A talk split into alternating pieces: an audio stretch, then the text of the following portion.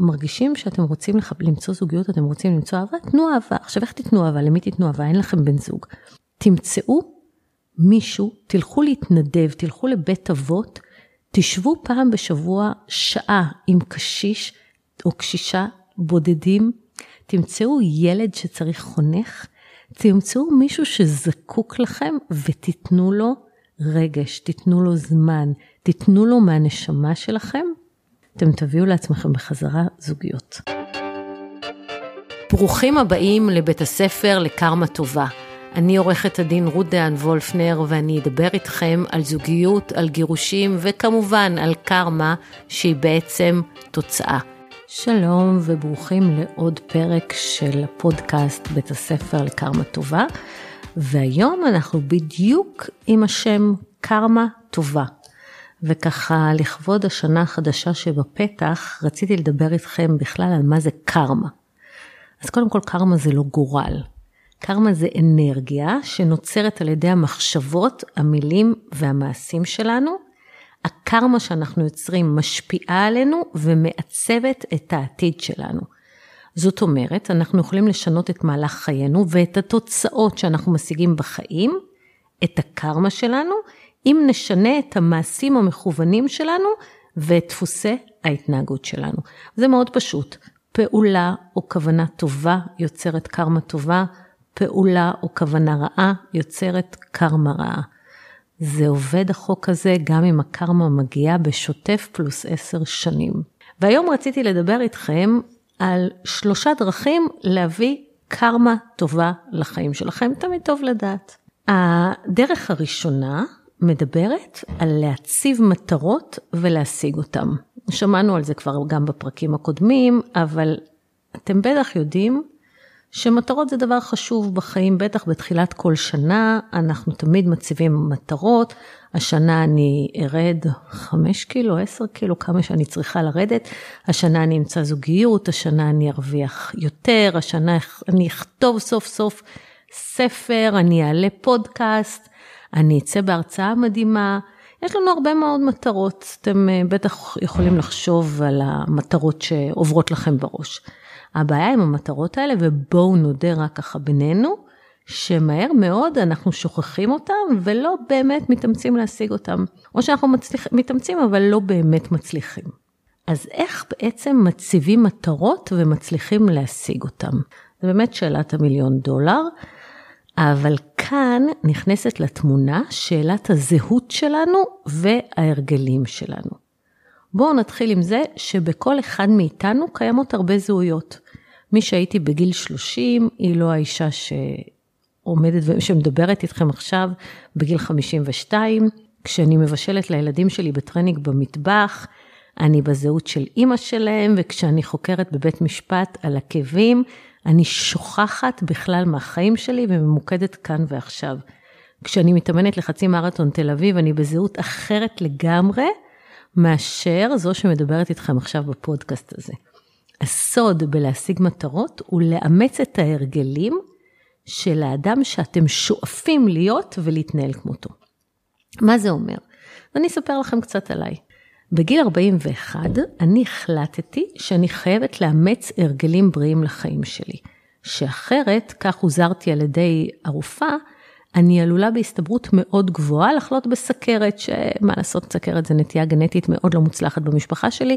עשיתי בדיקות דם, היא הייתה לקוחה שלי הרופאה, הראיתי לה את זה, והיא אמרה לי במבטא צרפתי מהמם, אם את לא תעשי שינוי מיידי באורח חיים שלך, את תהיי חולה.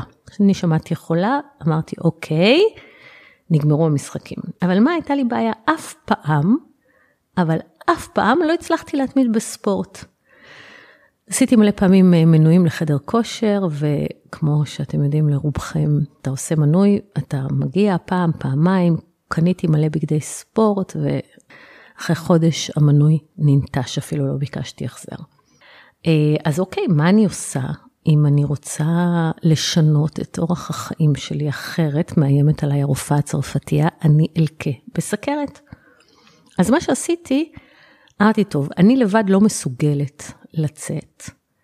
אה, כל יום לעשות ריצות, הליכות, האמת שאז עוד לא חשבתי אפילו על אה, ריצה, זה בכלל היה מעבר לפסגת האברסט מבחינתי. ואמרתי, אני צריכה להתמיד, אז בשביל להתמיד, אני אזכור מאמנת כושר, ובגלל שלא יהיה לי נעים להבריז לה, היא, אני אצא ככה לצעידות בבקרים, ואני פעמיים בשבוע אצליח להתמיד בספורט בגלל שאני אקבע איתה. מה שקרה עם אותה מאמנת כושר זה שהצעידות האלה הפכו לריצות, והיציאה בבוקר אחרי איזה חודש הפכה להרגל. ועם הזמן ממש התאהבתי בריצה והתחלתי לאתגר את עצמי. בשלב הזה, שתבינו, אפילו שעון ריצה לא היה לי, ונסעתי פעם עם האוטו בשביל לראות כמה הצלחתי לרוץ רצוף, זה היה בערך קצת פחות משני קילומטר, והייתי מאוד מאוד מרוצה מעצמי. ריצה של עשרה קילומטר נראתה לי אתגר לא אוויר, בואי, אני בת 41 באותה עת, מה לי ולריצות כאלה עשרה קילומטר זה של מקצוענים. אבל אה, אחרי שלושה חודשים הצלחתי לרוץ עשרה קילומטר לאט, אבל הצלחתי לרוץ עשרה קילומטר, וכשעשיתי את, השיפט הזה, השלמתי איזשהו מהפך אישיותי. אני, אחת שמסוגלת לרוץ עשרה קילומטר, אני חייבת להגיד שאני מקפידה לשמר על היכולת הזאת גם בתקופות שאני הרבה פחות מתאמנת. המינימום שלי צריך להיות שאני מסוגלת לרוץ עשרה קילומטר. והשלב הבא היה שרציתי להיות מרתוניסטית. עכשיו תראו, 42.2 קילומטר זה עניין אחר לחלוטין. מרתוניסטים מאמצים מרגלים אחרים לגמרי. הם מתאמנים אחרת, הם מקדישים לזה שעות ארוכות, הם לא מפחדים להתחיל לרוץ ב-4 בבוקר, היו לנו גם ריצות שהתחלנו ב-3 וחצי, והם אפילו נהנים מהדרך. בשלב הזה אני כבר ידעתי מה המרתוניסטית שאני רוצה להיות צריכה לעשות. ואני אימצתי את האישיות המתאימה. אני עשיתי מה שמרתוניסטים עושים. לא מה שרות דיין מעוניינת לעשות, שזה בעיקר לשבת בבית ולראות נטפליקס, מה שרות דיין המרתוניסטית מעוניינת לעשות. ובאמת, חצי שנה אחר כך רצתי פעם ראשונה בחיים את מרתון אמסטרדם. אני באופן אישי הרגשתי שעברתי מהפך שניצחתי את הגנטיקה המשפחתית שנעדרת כל נטייה לעסוק בספורט, והמדליות שיש לי עד היום במשרד מהמרתונים שהשתתפתי בהם, משמשות לי תזכורת כל יום שאם מאוד רוצים, אפשר. גם בניהול המשרד שלי, אני מההתחלה אימצתי התנהלות של ארגון מצליח. אני אה, בניתי שיטות מתודולוגיות מוסדרות לנהל תיק משפטי, גם ביחס ללקוח, גם באופן שימור לקוחות, גם בתגמול של העובדים ובהמרצה שלהם. ומה שעשיתי זה כל הזמן בדקתי איך מתנהלות חברות גדולות וארגונים חזקים. גם כשהייתי בתחילת הדרך וגם כשזה מדובר בהתנהלות בכלל לא מקובלת למשרדי עורכי דין. ובאמת עם השנים, היום אני יכולה לומר כבר אחרי 16 שנה, עוד מעט 17 שנה, שהמשרד הפך להיות בדיוק הארגון שראיתי לנגד עיניי מלכתחילה. עם שיטות עבודה, עם תרבות ארגונית, עם התנהלות, בדיוק כמו של ארגון גדול, ועשיתי את זה עדיין שהייתי ארגון מאוד מאוד קטן. את השיטה הזאת של אימוץ אישיות ואופן התנהלות של ארגון חזק ומצליח, אני מפעילה כל פעם מחדש, ואם צריך אני גם מעדכנת אותה. למשל, כשהיה את משבר הקורונה, רוב עורכי הדין הוציאו את כל העובדים לחל"ת, הייתה היסטריה מוחלטת, לא יהיה לקוחות, לא יהיה עבודה, אין בתי משפט, אופס, כל המשרדים נסגרו בבת אחת. אני אמרתי, מה פתאום? אני מתנהלת כמו עסק חיוני, מסוג העסקים החזקים שלא נפגעים מהמשבר. זו הייתה האישיות הארגונית שאני אימצתי לעצמי, למרות שהמציאות האובייקטיבית הייתה של סגר כללי, ביטולי דיונים, דחיות מועדים הייתה לנו אי ודאות מאוד גדולה. ואם זאת האישיות הארגונית שלי, אני ארגון גדול ומצליח, אני לא מתנהלת בפחד. אני לא מוציאה עורכות דין לחל"ת, אני לא פוגעת ולו בקצת בתנאי השכר שלהם. גם הלקוחות ידעו שהמשרד זמין, ממשיך להתנהל כרגיל, גם אם עובדים מהבית, גם אם עובדים מזום, וההחלטה הזאת להמשיך להתנהל כמו ארגון חזק ומצליח, הוכיחה את עצמה והביאה איתה מלא קרמה טובה. ובמונחים אובייקטיביים אני יכולה לגלות לכם שהכנסות המשרד בתקופת הקורונה ובעת שעבדנו מהבית עלו על הכנסות המשרד בתקופה מקבילה בשנה שקדמה לה. זה פשוט עבד העניין הזה. השיטה הזו דרך אגב מוכחת כאפקטיבית גם על מציאת זוגיות.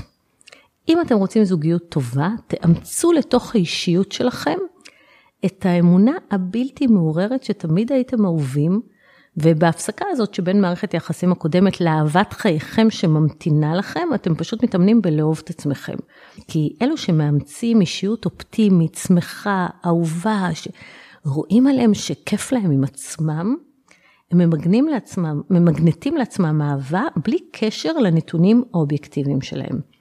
ואני תמיד אה, מספרת על לקוחה שלי, חדווה, שהכרתי אותה בהליכי גירושים מאוד קשים מבעלה, הוא סירב לקבל את ההחלטה שלה להתגרש ממנו, אחרי שנים שהיא ממש עברה שם התעללות, הוא ניסה להקטין אותה ולהשפיל אותה. עכשיו, מה שהיה עם חדווה זה שהיא לקטה בילדותה בפוליו, ולכן היא הייתה משותקת ברגל אחת, וכל החיים שלה היא התנהלה בצליעה, אה, צליעה מורגשת היטב.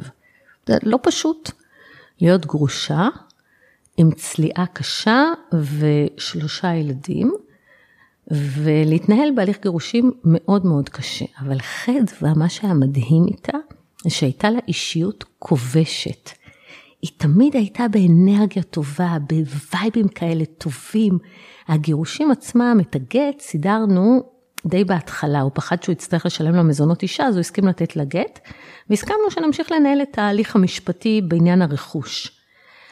וההליך הרכושי והעניין של המזונות באמת נמשכו הרבה זמן, אבל תוך כדי ההליך הזה, שהיה באמת מלחמת גירושים לא פשוטה, חדווה מגיעה אליי למשרד עם בן זוג חדש, שהיה גבר חתיך, כריזמטי, והוא הסתכל עליה במבט מאוהב, וליטף לה את השיער.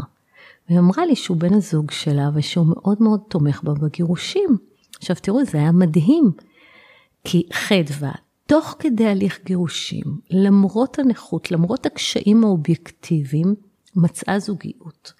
לעומת לא מעט לקוחות באמת נשים יפהפיות שלי, שלמרות הנתונים האובייקטיביים שלהם, הם אימצו לתוך החיים שלהם זהות צינית וממורמרת.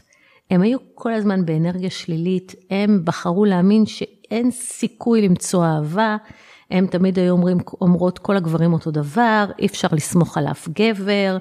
אתם מכירים את האמירות בסוג, מהסוג הזה. בשלב הזה אתם כבר יכולים להבין שזה בדיוק הקרמה שהם הביאו על עצמם. אם את תמשיכי להגיד כל היום אין סיכוי, כל הגברים הטובים דפוסים, אי אפשר למצוא, אי אפשר לסמוך על אף גבר, אז, אז את תמצאי את עצמך בדיוק ככה. ואם תהיי כמו חדווה, עם אנרגיה טובה, שמחה, מבסוטית, אוהבת החיים, המצב יהיה אחר לגמרי. וכשאנחנו חושבים איך הדמות שמשיגה את המטרה שהצבנו לעצמנו מתנהלת, אנחנו מאמצים את ההרגלים שלה, את ה-state of mind שלה. הרגלים יומיומיים מצטברים לאט לאט מתחת לפני השטח. אומנם לא תמיד רואים אה, תוצאה מיידית, אבל זה כמו צמח הבמבוק. אתם יודעים שצמח הבמבוק במשך חמש שנים מכה שורשים, לא רואים כלום מעל פני האדמה, ואז בבת אחת הוא צומח לגובה של עשרות מטר. שינוי התנהגותי אמיתי מוביל לשינוי הזהות, והדרך לעשות את זה היא באמצעות אימוץ הרגלים יומיומיים, שיפורים קטנים ומצטברים, עד שלאט לאט הזהות הזאת מוטמעת בנו, ומכאן הדרך להשיג מה שאתם רוצים ולהביא לעצמכם קרמה טובה, סלולה לחלוטין. הדרך השנייה להשיג קרמה טובה היא באמצעות הכרת תודה. טוב, מה, מה הכרת תודה עכשיו? מה את רוצה? מה זאת אומרת הכרת תודה? אז בואו נתחיל עם זה שהכרת תודה היא ערך אוניברסלי. ביהדות, המילים הראשונות שאדם שמתפלל בבוקר אומר, זה מודה אני לפניך. הכרת הטוב היא אחת מאבני היסוד של היהדות, ודרך אגב, הדת עצמה, יהדות, נקראת כך מהשורש הודיה. כל התורות של המזרח הרחוק מעודדות הכרת תודה, ואחת ההמלצות הכי שכיחות היא לעשות מדיטציית הכרת תודה יומיומית. גם בארצות הברית יש לנו את ה-Thanks Giving, ובאופן כללי, הכרת תודה היא ערך אוניברסלי שמביא הרבה מאוד קרמה טובה לחיים. איך הוא עושה את זה? אז ככה, הכרת תודה מאלצת אותנו, מחייבת אותנו להתמקד בדברים הטובים שיש לנו. אם אנחנו מפתחים לעצמנו הרגל יומיומי של הכרת תודה, אנחנו מלמדים את עצמנו לראות מה טוב בכל סיטואציה, ולא לקחת שום דבר כמובן מאליו. עכשיו, באמצעות הכרת תודה אפשר לאמץ גם תודעת שפע.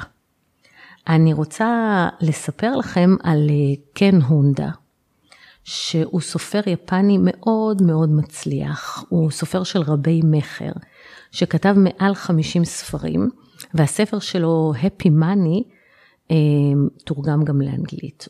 כן, הונדה, שהוא באמת גורו יפני בכל מה שקשור לתודעת שפע, הוא אומר שתודעת שפע זה לא כמה כסף יש לי או כמה לקוחות יש לי. בתודעת שפע אמיתית, הכסף הוא כמו אוויר, יש לנו תמיד מספיק ממנו, מתי שנרצה, והוא גם נמצא בזרימה, הוא נכנס ויוצא. ואז הוא בספר שלו מספר על טקס האריגטו לכסף. אריגטו זה תודה ביפנית, ולפי קן הונדה צריך לומר אריגטו כל פעם שמקבלים כסף, ואז זה אריגטו אין, וכל פעם שמוציאים כסף, אריגטו אאוט.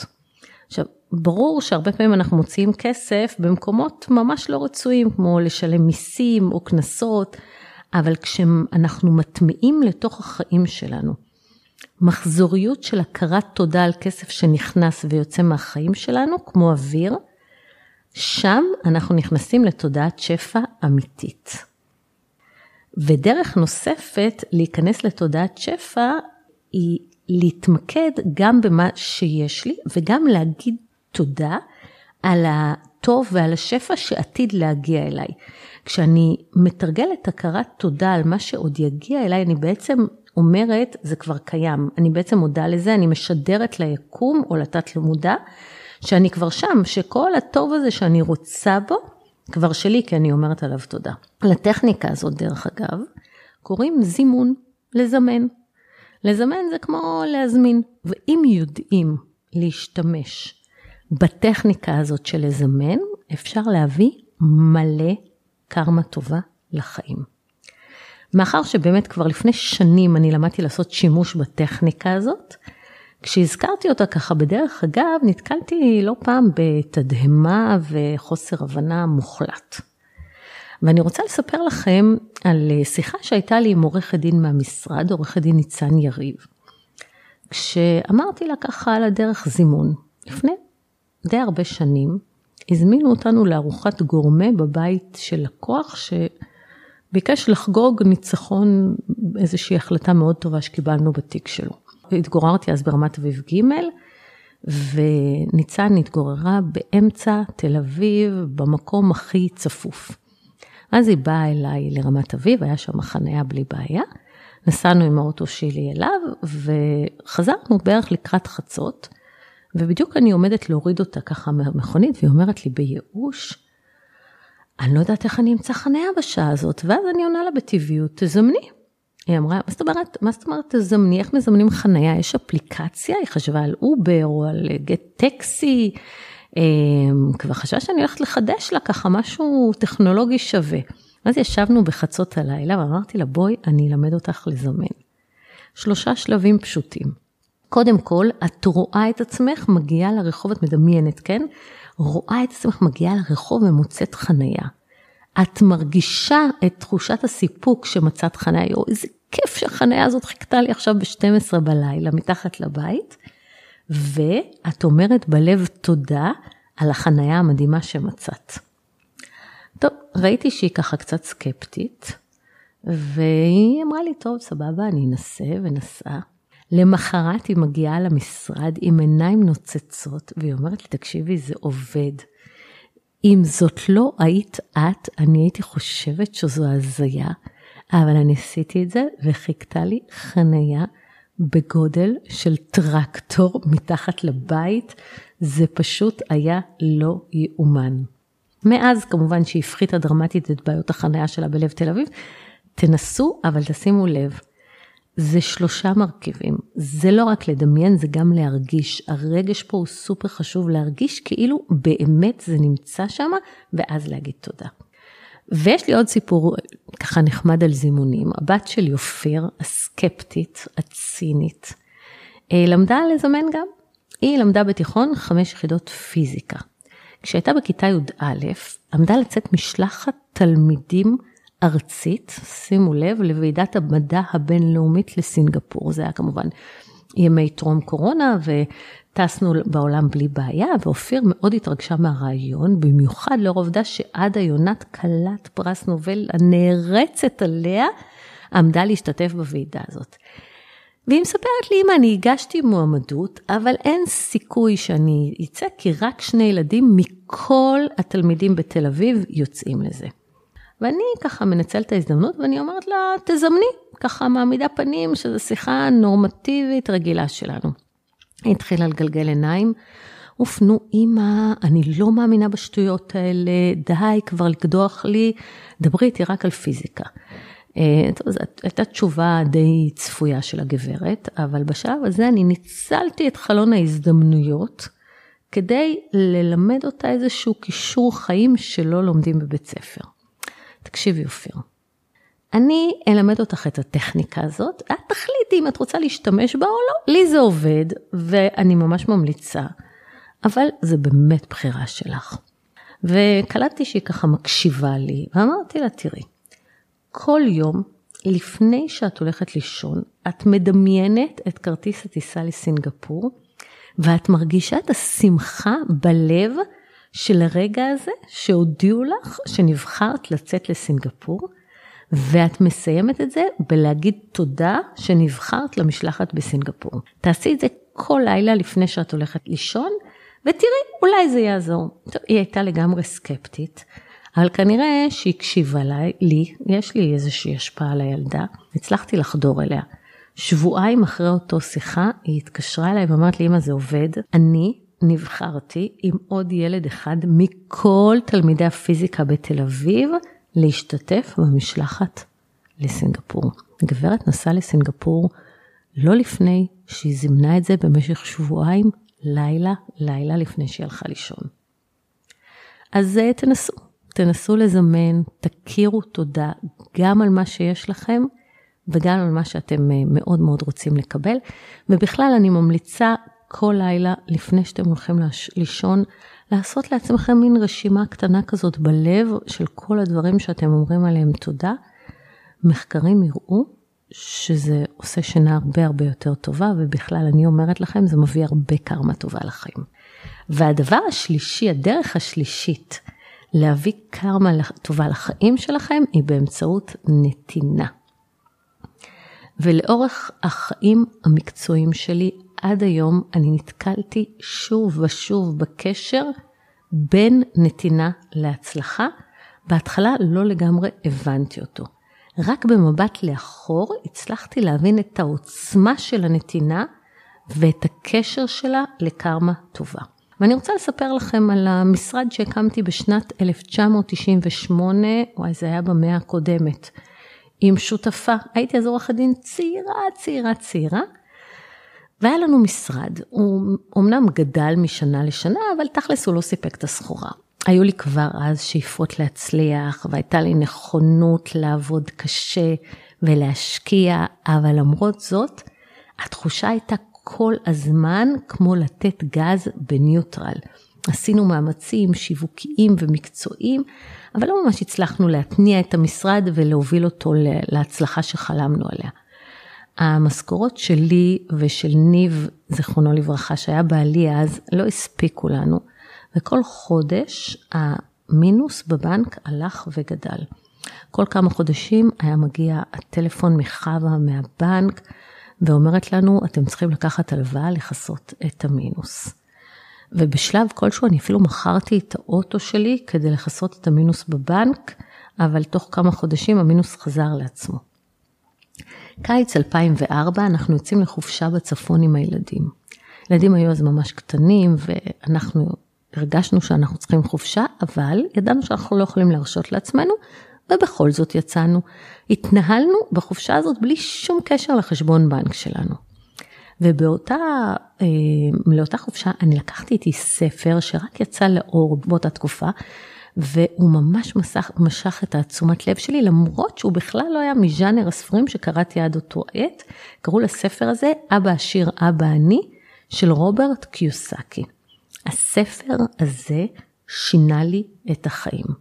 קודם כל למדתי שהמצב הכספי שלו, שלנו, הוא לא גזירת גורל, שיש דרכים אחרות להתנהל כלכלית ולהבין את החיים, ופתאום עולם חדש נגלה לי.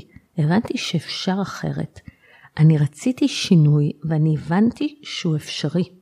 כמובן שידעתי שאיפה אני ואיפה חופש כלכלי באותה עת בקיץ 2004. אבל אתם יודעים, אומרים שגם מסע של אלף מייל מתחיל בצעד אחד, ואני בחרתי לי אז, בחופשה הזאת באוגוסט 2004, שני צעדים ראשונים. הצעד הראשון היה לאמץ את ההמלצה, ההמלצה של, ה, של רוברט קיוסקי, להתייחס בכבוד לכסף.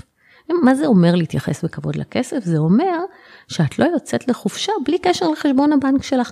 תסתכלי מה את יכולה להרשות לעצמך ומה לא. עכשיו זה בסיסי, נכון? אני אז לא ידעתי את זה. עשיתי תוכנית כלכלית שהמטרה שלה הייתה להוציא אותנו מהמינוסים המתמידים לקראת חופש כלכלי. באותם ימים, ב-2004, חיים בלי חוב נראו לי איזה יעד חלומי. לא יכולתי לדמיין לעצמי לאיזה רווחה כלכלית אני אגיע שנים אחר כך. וההמלצה השנייה שהחלטתי לאמץ הייתה קשורה לנתינה. רוברט קיוסקי אומר, תרומת כסף היא סודן של המשפחות העשירות ביותר. אתם רוצים לקבל משהו? תיתנו אותו. ככה הוא אמר. ואני, מה רציתי? אני לא רציתי לזכות בלוטו, אפילו לא היה לי מנוי לפיס. אני רציתי משרד משגשג ומלא בלקוחות ובתיקים משפטיים.